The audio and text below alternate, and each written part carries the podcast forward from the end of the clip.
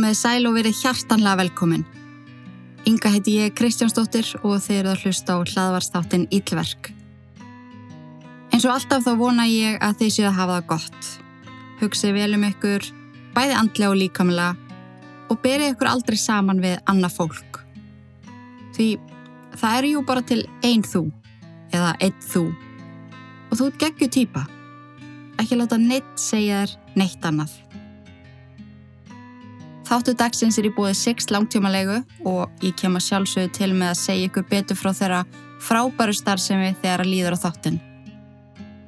Ég vil svo auðvitað fá að nýta tækifærið og benda ykkur á yllverk áskriftina. Fyrir þá sem að vita ekki, gæti þú verið með nýju stykki af ferskum yllverk þáttum í hverju mánuði. Ekki nómið það, heldur færð þú aðganga yfir 100 auka þáttum við skráningu. Þú finnur áskriftina inn á itlark.is og hún kostar 950 krónur á mánuði.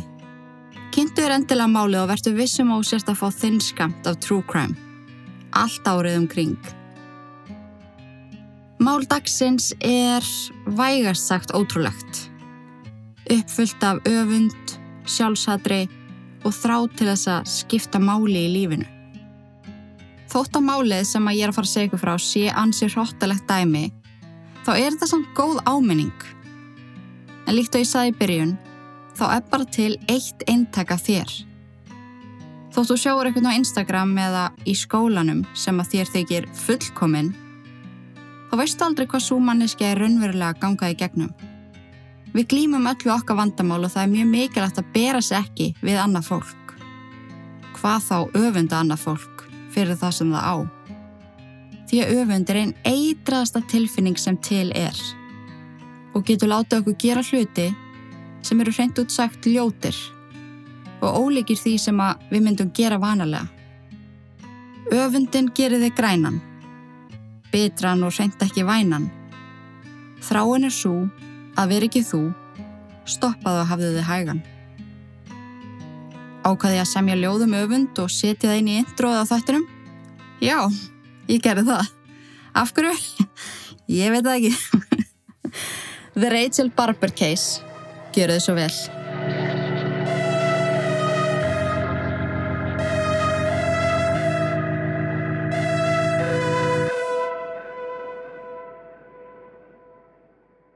Rachel Barber var fætt þann 12. september árið 1983 í Melbourne, Ástralju. Þegar að máli sem við ætlum að fara yfir í dag á sér stað er Rachel 15 ára gömul, ballettdansari og uppfull af lífshamingu. Hún var ótrúlega spennt fyrir komandi tímum. Rachel var stelpan í skólanum sem var alltaf umkringt fólki. Allir krakkarnir sóttu í hana því að hún var skemmtileg, brósmild, metnaðafull og örlítill uppreysnasegur. En bar þó virðingu fyrir öllum og þó sérstaklega fóröldrum sínum. Hún var ekki bara geggju týpa heldur var hún líka alveg ótrúlega falleg. Hún lendi ítreka í því að umbóðsæðlar fyrir mótelskrifstofur stoppuð hann á förnum vegi og spurðu hvort hún var í mótel og hvort hún hefði áhuga á að koma í viðtala á skrifstofum þeirra. Þannig að á milli skóla og ballett tók Rachel að sér hinn ímsu mótelstörf. Hún var með þygt, sítt, dökkbrónt hár, óaðfinnanlega húð, dáleðandi grænaugu og fallegt breytt brós. Hún passaði sér svo að því að borða alltaf hotlan og næringaríkan mat og æfðið daglega. Svo ofan á allt saman, þá var hún í frábæru formi. Hennar ástriða var klassísku ballett og hún nýtti hverja einustu lausu mínútu í að æfa sig. Á meðan bekkjafélagar hennar rendi við glósur fyrir próf var hún að æfa spórin sín. En hún var mjög efnilegu dansari og kom fram á mikið af alls konar síningum, bæði sem aukadansari og sem parstur af aðal atriðinu. Fóreldra hann að samklötu stóttu sinni fyrir að vera búin að finna sinn farveg í lífinu svona ung. En frá því að Rachel var pinguponsu lítil, saðast hún ætla að verða frægur ballettdansari. Hún var svo ákveðin í því að þegar hún geti ekki dansa lengur, þegar hún erði gömul, myndi hún opna ballettskóla. Þetta var lífið hennars og fjölskeldan hennar hvart hana til dáða. Þau meira segja leið hennar rífi upp teppið í herbygginu sínu og fá sér parket í staðin, svo hún geti eftir sig. Út um allt hús voru speklar, slár og alls konar ballettbúningar. Heimili var undirlegt undir áhugamálið hennar og ástriðanar í lífinu, en fóreldra hennar horfðu bara glöða á hann og lefði þessu bara gerast.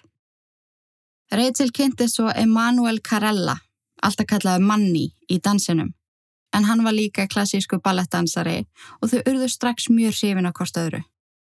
Fóreldra Rachel segja að þóttu hafi ekki verið neitt allt og spennt fyrir því að 15 ára dóttir þeirra eignaðis kærasta, þá gæti hún ekki á að fundi betri dreng en Manni. Hann var kursteis, heiðalegur og kom fram við Rachel af svo mikill í virðingu. Manni og Rachel voru saman öllum stundum og fjallan ótrúlega velin í stóran vinahóp Rachel. En vinir hennar og vinkonur dyrkuðan. Svo að má segja að út á við hafi líf Rachel liti út fyrir að vera gjörsanlega fullkomið. Ekki dæðilega falleg, vinsæl, klár, dugleg og sætu kærasti. Rachel var samt ekkert montin með sig. Hún dæmdi ekki aðra og reknaði ekki með því að aðrir dæmdu sig. Og henni hefði aldrei nokkuð tíman grunað að það væri manneskja sem að öfunda hana það mikið á svo djúpan og sjúkan hátt að hún leti dreyma um að klæða sig í húðina af henni. Hvað þá manneskja sem að hún hefði þekkt meiri hluta æfisinnar. Þann 1. mars árið 1999 vaknaði Rachel snemma og hafði sér til fyrir skóladaginn. En á þessum tímapunkti í lífi hennar hafði hún loksins fengið leifi hjá fóruldrum sínum til þess að hætta í almennum skóla og fekk hún ingöngu í The Dance Factory sem er mjög virstur dansskóli í Melbourne. Rachel hafði strögglað lengi við bóklagt nám. Sama hvað hún lærði mikið og fekk mikla aukakenslu, fekk hún alltaf liðlegar enganir. Sjálf sá hún ástæðan að vera áhuga leysi Hún vissi hvað henni langaði að gera í lífinu og það var ekki þessi klassíski mentavegur. Hver dagur sem fór í starfræði og sögu var dagur sem að henni fannst hún vera að sóa.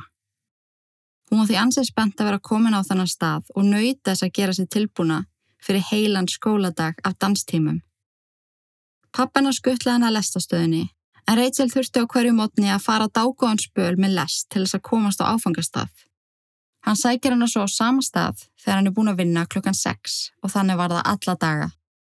Þegar að Rachel var komin þá lappa hann til vinkunni sinnar og borðaði með henni morgumatt. Í hátteginu hitt hún svo kærastan sinn en vanalega rölduðu yfir í verslunamiðstöðuna rétt hjá skólanum, fengu sér að borða og skoðu í búðum.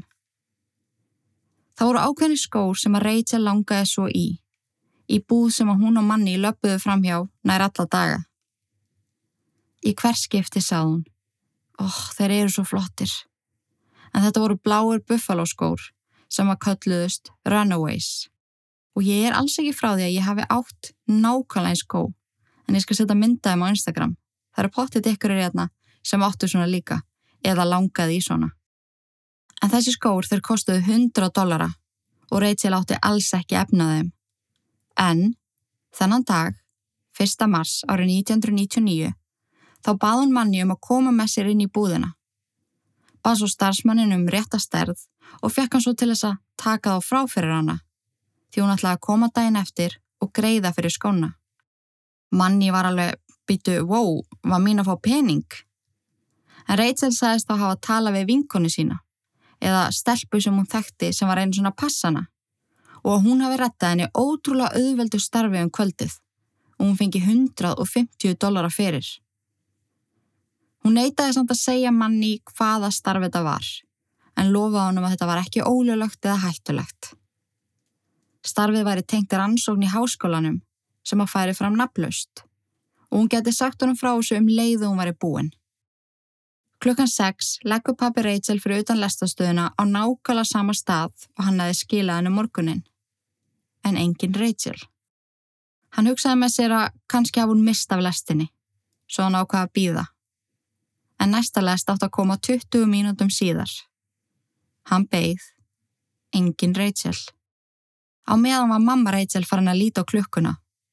Madurinn hennar og dóttir voru alltaf komin heim á slæginu kortir yfir sex. Það klikkaði ekki. Madurinn hennar var svo komin heim klukkan hálf åtta. En hann sagði henni að Rachel hefði aldrei komið með lestinni. Þau eru strax mjög ágjufull að reyndu að róa hvort annað niður. Hún er 15 ára úrlengstelpa. Kanski fór hún og hitti vini og hreinlega glemdi að láta vita af sér. Þau ringja í manni sem að segja þeim frá þessu leinigiggi sem að Rachel fekk þetta kvöld og saði þeim líka frá uppákominni í búðinni. Þetta róaði aðeins niður, bara ok, hún hefur glemt að láta okkur vita. En fengu þó strax óbræði munnin yfir því að veit ekki hvað starf dóttið þeirra hafi tekið að sér, án þess að segja þeim frá því. Þegar klukkan fór að nálgast tíu var fóröldum Rachel orðið verulega órótt og ringdu í laurugluna sem að hafi lítinn sem engan áhugaði aðstofa þau. Þeim var sagt að þetta veri típisk úllinga hegðun. Þau ættu bara að býða róleg. Ef hún var ekki búin að skila sér fyrir klukkan sjö morgunin eftir, ættu þau að ringja aftur. Og ég verða að segja að það eru gjössalega fáraleg vinnubröð. Við erum að tala um einstakling undir 18 ára, undir 16 ára, bara barn. En skiljilega þá gáttuðu ekki sofið þessa nótt störðu bara á klukkuna og beðu eftir því hún erði sjö. Þau ringduðu aftur á laurugluna og þurftu að útskýra málsitt upp á nýtt, því að aðilinn sem að þau töluðu við kvöldi áður vildi ekki taka skýslu. Ekkert af vinkunum Rachel vissu hvað hún var. Manni vissi það ekki og hún hafði ekki mætt í skólan sem að var virkilega ólíkt henni. Hún barðist fyrir því að fá að hætta í almennu skóla og ganga í dansskólan. Hún myndi aldrei sleppa því að mæta án þess að láta vita og hafa góða ástæðu fyrir því. Ég er ekki einu sinni smá að grínast í ykkur þegar ég segi ykkur það að það var ekki fyrir en 12. mars að eitthvað fór að gerast í málinu. Fjölskylda Rachel stóðað viða mikill í leitafinni, dreifði myndum og unnu að því að finna hana dag og nótt, en lauruglan gerði lítið sem ekkert. Fjölskyldan fekk alltaf sömu svörun. Hún straukur glæða heimann og við höfum ekki fengið inn einar ábendingar. Fjölskyldan hennar tók það meira sig að sér að bæði ringja og heimsækja vændishús í Melbourne því að þau óttuðust að Rachel hafi mögulega verið tekinn gegn vilja sínum og seldi vændi. Sama hvað þau gerðu, sama hvað þau gráð báðu lauruglu um hjálp, fenguðu þau ótrúlega áhugaðlust viðhorf sem er gjörsanlega galið. Það var ekki fyrir en mamma Rachel fór hún á lauruglustöð og gekk bersasgang sem eitthvað fór að gerast. Hún barði töskunni sínu utan í innrettingar og borð og öskraði. Þar barnið mitt að finna stáið svo að þið gerði eitthvað í þessu. Fyrstum sinn var hótaða handtakana en svo var greinilega tekin ákvörðunum að fara all-in í að leita af Rachel sem var þarna búin að vera tínt í rúmar tvær vikur. Þann 14. mars fletti laurugla upp símanúmeri sem hefði ringt í heimasíma Barber fjölskyldunar daginn áður en Rachel kvarf. Og líka þannan sama dag 14. mars þá barst lauruglu hellingur af myndum frá fyrirtækjum í kringum lestastöðuna og þar sem að Rachel gatt mögulega hafa verið þannan dag. En á einni myndinni úr lestastöðinni sést til Rachel stíga át úr lest á svont annari stelpu. Símtalið var rakið til Caroline Reed Robertson og þegar að fóreldra Rachel fengi að sjá myndina úr örgismyndavelinni sögðu að stelpan á þessari mynd geti alveg verið Caroline en voru þó ekki viss. En þar sem að þetta nafn var að koma upp í fyrsta sinn þá ákvæmlega öruglega að ræða við Caroline. Kanski gæti hún varpa eitthvað ljósi á hvar Rachel var í ósköpunum niður komin. Það kemur enginn til dýra þegar laurugla bankar á útýttirahörðina á blokkar íbú Caroline. En þeir heyra þungan ding innan úr íbúðinni. Hurðin var opinn og þeir gæjast inn. Það var allt í rústi í íbúðinni og mjög mikið að dóti í pappakassum, líkt og Karlan var að fletja. Líktin í íbúðinni var líka verulega vond og á eldúsborðinu voru tveir pizzakassar og tvær óopnaða vimflöskur. Þegar að laurugla gengur lengra en íbúðina, séðu konu sem að lág á maganum á golfinu. Hún síndi engin viðbröð en var bæði með púls og andaði. Kona ranka svo við sér eftir nokkra mínútur og kynni sér sem Caroline Reed Robertson. Eitt laurugluþjónuna fer inn í söfnarbyggjanar til þess að sækja púða undir höfuð á henni og honum bregður verulega er hann sér vekkin bak við hurðina á herbygginu. Vekkurinn var gjörsanlega þakin með myndum af Rachel. 15 ára stúlkunni sem hafi verið leitað af í tvær vikur. Herbeggi var líka pakkað af stílabókum og alls konar tekningum. Laurugluþjóðnin vildi ekki vera of lengi að nynni en rétt rendi við teikningarnar á skrippborðinu. Þar vistust vera að Caroline sjálfri og í kringum myndinar var búið að skrifa hatusorð. Pizzafjess, ógeð, sóun á andrumslofti, ljót, viðbjörsleg, heimsk, illavaksinn, hötuð. Þessi unga 20 ára gamla kona átti greinlega mjög erfitt andlega og var haldinn sjúkri þráegju þegar að koma Rachel. En eins og við töluðum um áðan, þá passaði hann Rachel þegar hún var yngri. Það var farið með Caroline upp á lauruglustöð og nánast um leið og laurugluþjótt sest anspænis Caroline í yfirhersluherbygginu og spyr hana Veistu hvað Rachel er? Þá svarar hún Já, hún er dáin. Laurugluþjóttum bjóst ekki beinlínis við þessu svara og er bara ha? Hva, er hún dáin? Hvernig veistu það? Ég draf hana og gróf svo líkið. Lík Rachel Barber fannst hann að sama dag Íllarótið í grunnri gröf á sömabústaðalóð föðu Caroline í Kilmore. Fóreldra Rachel trúðu svo varla. Ofan á það að heimurinn þeirra var gössanlega hrunin, þá þurftu þau að kingja þeirri staðrind að stelpa sem að þau hafðu þekkt síðan hún var barn. Fóreldra hana voru vinið þeirra. Hún hafi passað Rachel og sýstur hennar og eitt gríðala miklum tíma inn á heimilinu. Caroline misti Rachel og hún var búin að skipulegja það í mörg ár.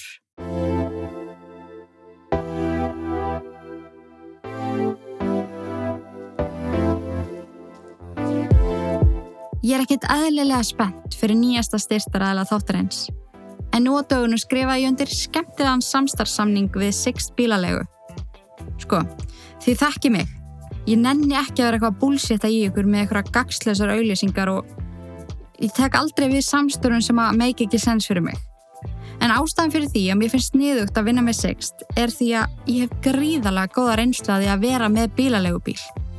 Ég hef svo oft hvart vini mína til þess að skoða þessa laust og þá sérstaklega þegar ég er svo illa brendaði að vera alltaf að kaupa mér gamla ódýra bíla og lenda svo í algjöru vesinu með viðgerðir og annað. En ég tala allavega út frá þeirri reynslu. Ég veit alveg um fólk sem á efni á því að kaupa sér bíl en ákveður að gera það ekki og tekur frekar bíl á leigu. En ég hef alltaf, bara frá því ég fekk bílprófið á gömlum bílum og lendi svo miklum hrylling og útgjöldum að ég náði aldrei að safna með pening þegar ég var á mínum early 20s árum sem að ég er ekki lengur á. En svo fór ég að skoða bílalegu bíla. Ég reiknaði saman dæmið og það var miklu hagstæðra Þá vissi ég að ég var á nýjum örugum bíl og innifæli í þjónustinni eru viðgerðir og í rauninni allt nema bensín og ég var með þannan bílalegu bíl í tvö ár. Svo núna þá var ég svona smá krosskvötum. Ég var sérst að skila vinnubílnum mínum sem að ég er búin að vera með í nokkur ár. Því að núna er ég komin út í minn eigin rekstur og er hægt hjá fyrirtækinu sem ég vann hjá. Og ég var að veltaði fyrir mér á ég að kaupa með bíl. Því að í fyrsta sinn á æfinni þá á ég actually efnaði Ég var rosalega fljót að fara út af sölusíðanum og skoða frekar rekstralegu bíla og ákvaða að vera megadjörf og heyra í sext því að mér fannst þau með besta úrvalega bílum og flottustu og þægilegustu heimasíðuna. Ég er það sjálf á þegar það kemur að bílamálum sko. En ég kom inn á megasætan Glænían Hybrid Yaris og það eina sem ég þarf að sjá um er bensíni á hann. Þau sjá um allt hitt og mér finnst því svo ótrúlega örug. Það er alltaf sami fasti kostnæðar á mánuði, engin óvænt útgjöld og ekki skemmir hvað það vinnur dásanlegt fólk á það. En ég ætla mér á næstu vikum að kynna þetta vel fyrir ykkur. Og bæða veið því sem að nenni ekki að hlusta, eigi bíl og eru bara alls ekki svona pælingum, skipi bara yfir þetta. En ég veit að það eru margir að náti á sama stað og ég. Og ég skal gera ykkur að sérfræðingum í þessu. því þetta er svo farlega sniðut. Ég skal deila með ykkur reikningnum sem ég gerði, hvernig þetta virkar, segja ykkur kost og galla. En ég ætla að láta þessar upplýsingar döga í byli svo að þetta sé ekki of mikið fyrir ykkur. Tökum eitt skrif í einu. En ég vil bjóða Sixt bílalegu hjartalega velkomin í Ítlarkfjölskylduna og ég hlakka ótrúlega til að deila með ykkur alls konar fróðuleik og ég hlakka mega til að vinna með þeim áfram. Og hei, ef að þeir eru svona pælingum, ekki hika við að heyri mér eða þeim fyrir upplýsingar. Sixbílalega.is langtímalega á hagstæðum kjörum. Takk og bless. Velkomin tilbaka. Caroline Reed var fætt árið 1979 og var því fjórum árum eldri en Rachel. Fóreldra hana skildu þegar hún var 14 ára og tók hún skilnaðin verulega inn á sig. Pappa hennar flutti í burstu og eignaðist aðra fjölskyldu. Konu og börn sem var Caroline fannst hann taka fram yfir hana. Hún átti ótrúlega erfitt félagslega og laumaðist með fram veggjum í skóla.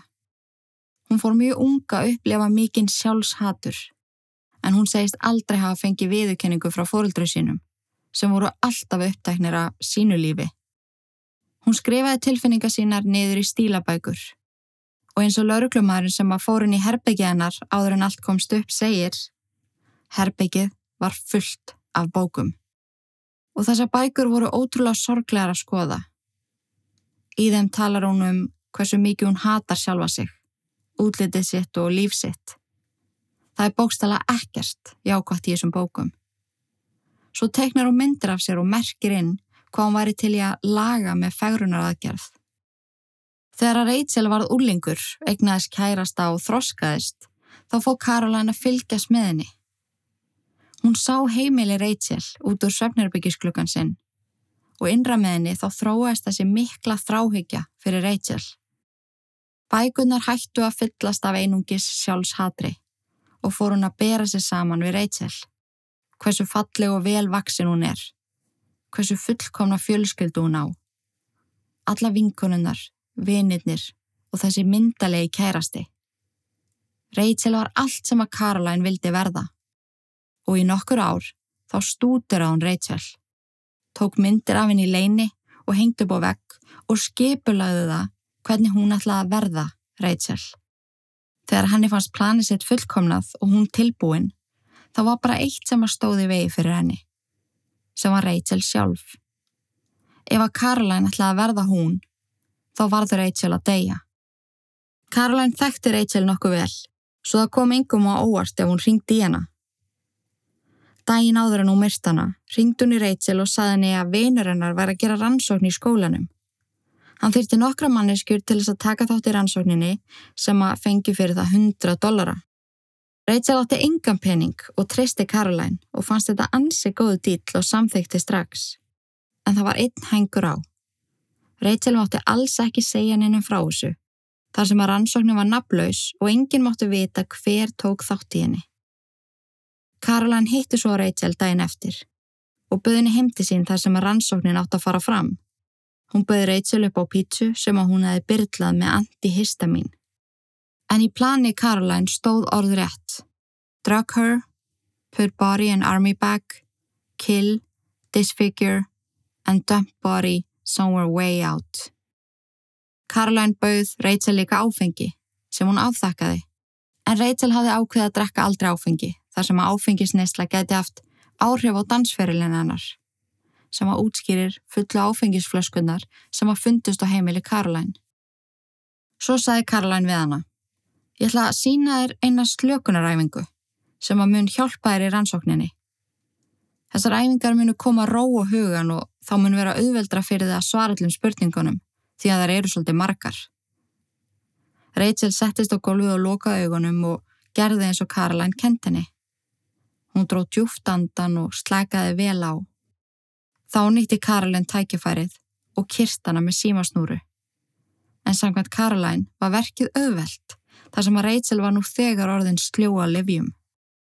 Caroline tróð svo líki Rachel ofan í tösku og hjælt svo áfram að pakka saman dótinu í íbúðinni. Hún gaf sér tvo daga í að klára það og meðan þá lág lík Rachel ofan í töskunni inn í herbyggin hennar. Hún ringi svo að leigubíl sem að hjálpar henni að setja töskuna í skottið á bílnum og stoppaði svo fyrir henni í hraðbanka þar sem að Caroline tók út alla peningana sína. Nú var planið hálnað. Núna þurfti hún bara að losa sig við líkið og flýja sig í burtu. En peningana ætlaði hún að nota til þess að hefja nýtt líf og fara í færunar aðgerðir.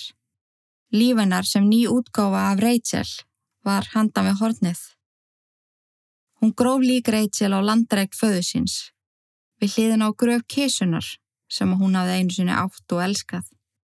Caroline fór á fullt í að klára lausa enda, áður en hún hjælt af stað sem er nýja Rachel. Hún ringdi í helling af böngum til þess að taka út hæsta mögulega lánið. Kefti sér brúnan hárlit og föti í stærð átta. En á þessum tímapunkti var hún í stærð tíu, en Rachel var í átta. Og núna var hún Rachel. Þegar hún er svo að græja hárlitin heima hjá sér, heyru hún lauruglan á banka og tilkynna að þetta væri lauruglan. Hún verður svo stressuð og panika svo mikið að hún fær flók og líður út af. Svo hún fekk ekki mikið meiri tíma sem Rachel en þetta. Geðlagnarinn Barry Walls hjælti fram í réttahaldum Caroline að hún væri alvarlega geðsturtluð. Þetta var í stelpa sem þurfti að búa á stopnun og fá aðstokur um einasta degi þar sem eftir væri af lífennar. Fangelsi myndi ekki hjálpenni neitt. Hann vildi að ákærur gegn henni yrðu felda niður þar sem að hún var manneskja sem að þekkt ekki munin á réttu og röngu. Hann síndi líka frá dagbókumennar í réttasall og fekk hann að sjálfa til þess að lýsa tröfluðum hugsunum sínum. En í réttasall segist Caroline vera sóun og súrefni. Hún vildi óska þess að mamminar hafi aldrei fætt hana í þannan heim. Hún segist hafa þráð líf Rachel. Hún var fullkominn, svo falleg, svo velvaksinn, svo klár, vinamörg, hæfileikarík Rachel var allt sem að Caroline var ekki. Hún virtist heldur ekki sjá neitt eftir því sem að hún hefði gerst. Hún talaði frekar eins og þetta hefði allt saman verið nöðsynlegt. Ef að Rachel hefði ekki dáið, hefði Caroline aldrei átt möguleika á betra lífi. Lífinu sem að henni fannst hún eiga skilið. Og þetta er svo ótrúlega brenglega að maður pælir í því, því að eins mikið hún segir styrka allt við Rachel, þá ber hún ekki meiri virðingu fyrir henn en svo að hún átti ekki rétt á að lifa. Og þráttur að segjast hata sjálfa sig og finnast hún sóun á súrefni var hún tilbúin að taka líf annara mannesku fyrir sjálfa sig. Þetta er mjög flókin hugsunarháttur sem að, sem að er einhvern veginn ekki hægt að útskýra. En öfundin hefur orðið það sjúk að hún breyttist í haturs til Rachel. Hún hata hana fyrir allt sem hún átti og það var ekkert jafn fullkomið og hún í heiminum. Caroline fekk 20 ára dóm fyrir morði á Rachel Barber með möguleika á reynslulausn eftir 14. Mörgum fasta allt og vægu dómur en geðsíkjenar spilaði stóran þátt í dóminum. En svo er ótrúlega magna að segja frá því að í fangelsi þá gjörsanlega blómstraði Caroline. Hún ekkert neginn fór úr því að vera þessi bogni og bældi einstaklingur í að vera pýja sem hafiði gaman að lífinu. Margar konur sem voru með henni í fangelsi á þessum tíma segja hún hafi alltaf verið hrókur alls fagnar. En það verðist að um leið og Caroline skiptur um aðstæður, fekk utanumhald, rútínu og dagleg samskiptu við fólk, fór alltaf breytast. Hún meira að segja eignaðis kærustu í fangelsinu og er ennþá með henni í dag, rúmum 28 árum setna. Svo maður veldi í fyrir sér. Er Caroline manneska sem að hefði verið hægt að bjarga? ef hún hefði fengið viðígandi aðstóð, utanumhald og bara ef ykkur hefði tekið eftir henni og verið til staðar, hefði hún kannski blómstra fyrr, náð andljum árangreif fyrr og ekki tekið líf Rachel. Það er alveg pæling, en ég held að ansimast og ég held að ekki það er bara staðrind að það er mjög margt í þessu máli sem að brást. Lögreglan til dæmis sem að leiði öllum þessum dögum að líða frá kvarfi Caroline þar til að þeir actually gera eitthvað og svo heilbreyðiskerfið að grípa ekki Caroline og auðvitað fjölskylda hennar líka sem að skilda hennar svolítið eftir bara eina að hugsa um sjálfa sig. Þetta er bara svo innilega sorglegt mála á allan hátt og svo mikill óþarfi. Í dag er Caroline frjálskona og lætur ekki mikið fyrir sig fara. Hún er gift koninni sem hún kynntist í fangelsi og reynir að lifa eins eðlulegu lífi hún mögulega getur. Eftir hún kom úr fangelsi þá bað hún fóreldra Rachel afsökunar sem að hafðu meira áhuga á því að horfa grasi vaksa en að hlusta afsökunarbeðni frá henni. Og maður skilu það alveg.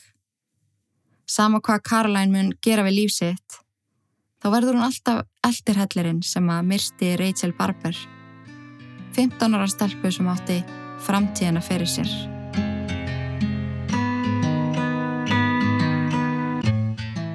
Takk fyrir að hlusta, takk fyrir að vera til og í Guðanabænum forðist öll ítverk nema þetta podcast. Veriði sæl. Haugur, take it away. Bættu sjöfið og þú dottir eftir lukku. Týnda sáli sem í djúpa hafi sökku Gangin lífi eins og flugur inn í krukku meðan 666 andast luppu Bættu sjöfið og þú dottir eftir lukku. Týnda sáli sem í djúpa hafi sökku Gangin lífi eins og flugur inn í krukku meðan 666 andast luppu Þegar úti fyrir að dimm og frostin ístir inn að beini. Engin engil sem að veiti verði í eðulögðum heimi sem að lagðist í eði með heift og sakleysingjar týndu lífum. Verkin ítlu sem að fólki sá í sínu sínum Hversu margir hræðast drauga? Hversu margir hræðast að að horfi í augu dauðas augu taka mann á taugum eins og andar sem að herja mann. Hvaði voru á himnum fyndu engil til að verja mann. Hjartaslæri svo það sé með djöfulinn á hælunum Refur á móti hænunum, úlfur með sögða gæru Ílska reykar í bænum og lömpi þakma þórað ekki að vanda Allt og marga sálir sem að tilbyðja fjanda. Hamingja krassar eins og skip sem strandar Anda dráttur milli handa hættir að vanda Þegar að þreyttir að hálsi. Þegar ótti tekur yfir missa sakleysingjar máli Sálum henda bálið eins og nortni galdra fári. Bættu sjöfið og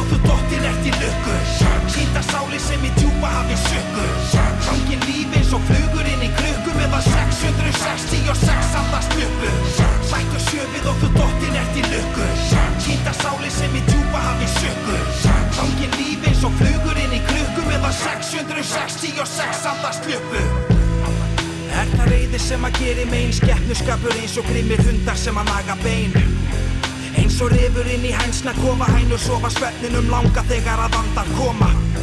Þegar illir andar taka yfir liði fyrir yfirlið ef ljósið andar fara fyrir. Flesti kjósa fá að halda friði liðið í þar um og missi trúna sem það liði fyrir Flesti stand eftir og stara bara hendi sjúkum hug eins og hjá blóðþyrstum talíbana Þau þurfa að byggja fyrir sálum sínum. Eins og píkill sem er háður vímu þjáður er í sálum sínum. Byður um það eitt að hlusta sé á alla bænir sínar. Gengið hefur grýtt að vegi alla fokkin æfi sína Við skulum kveikja nokkru kertum á Viltu fá að sjá 666 vandamál? Bættu sjöfið og þú dottir eftir lukku. Týnda sáli sem í djúpa hafi sökku Gangin lífi eins og flugur inn í krukku meðan 666 andast luppu Bættu sjöfið og þú dottir eftir lukku.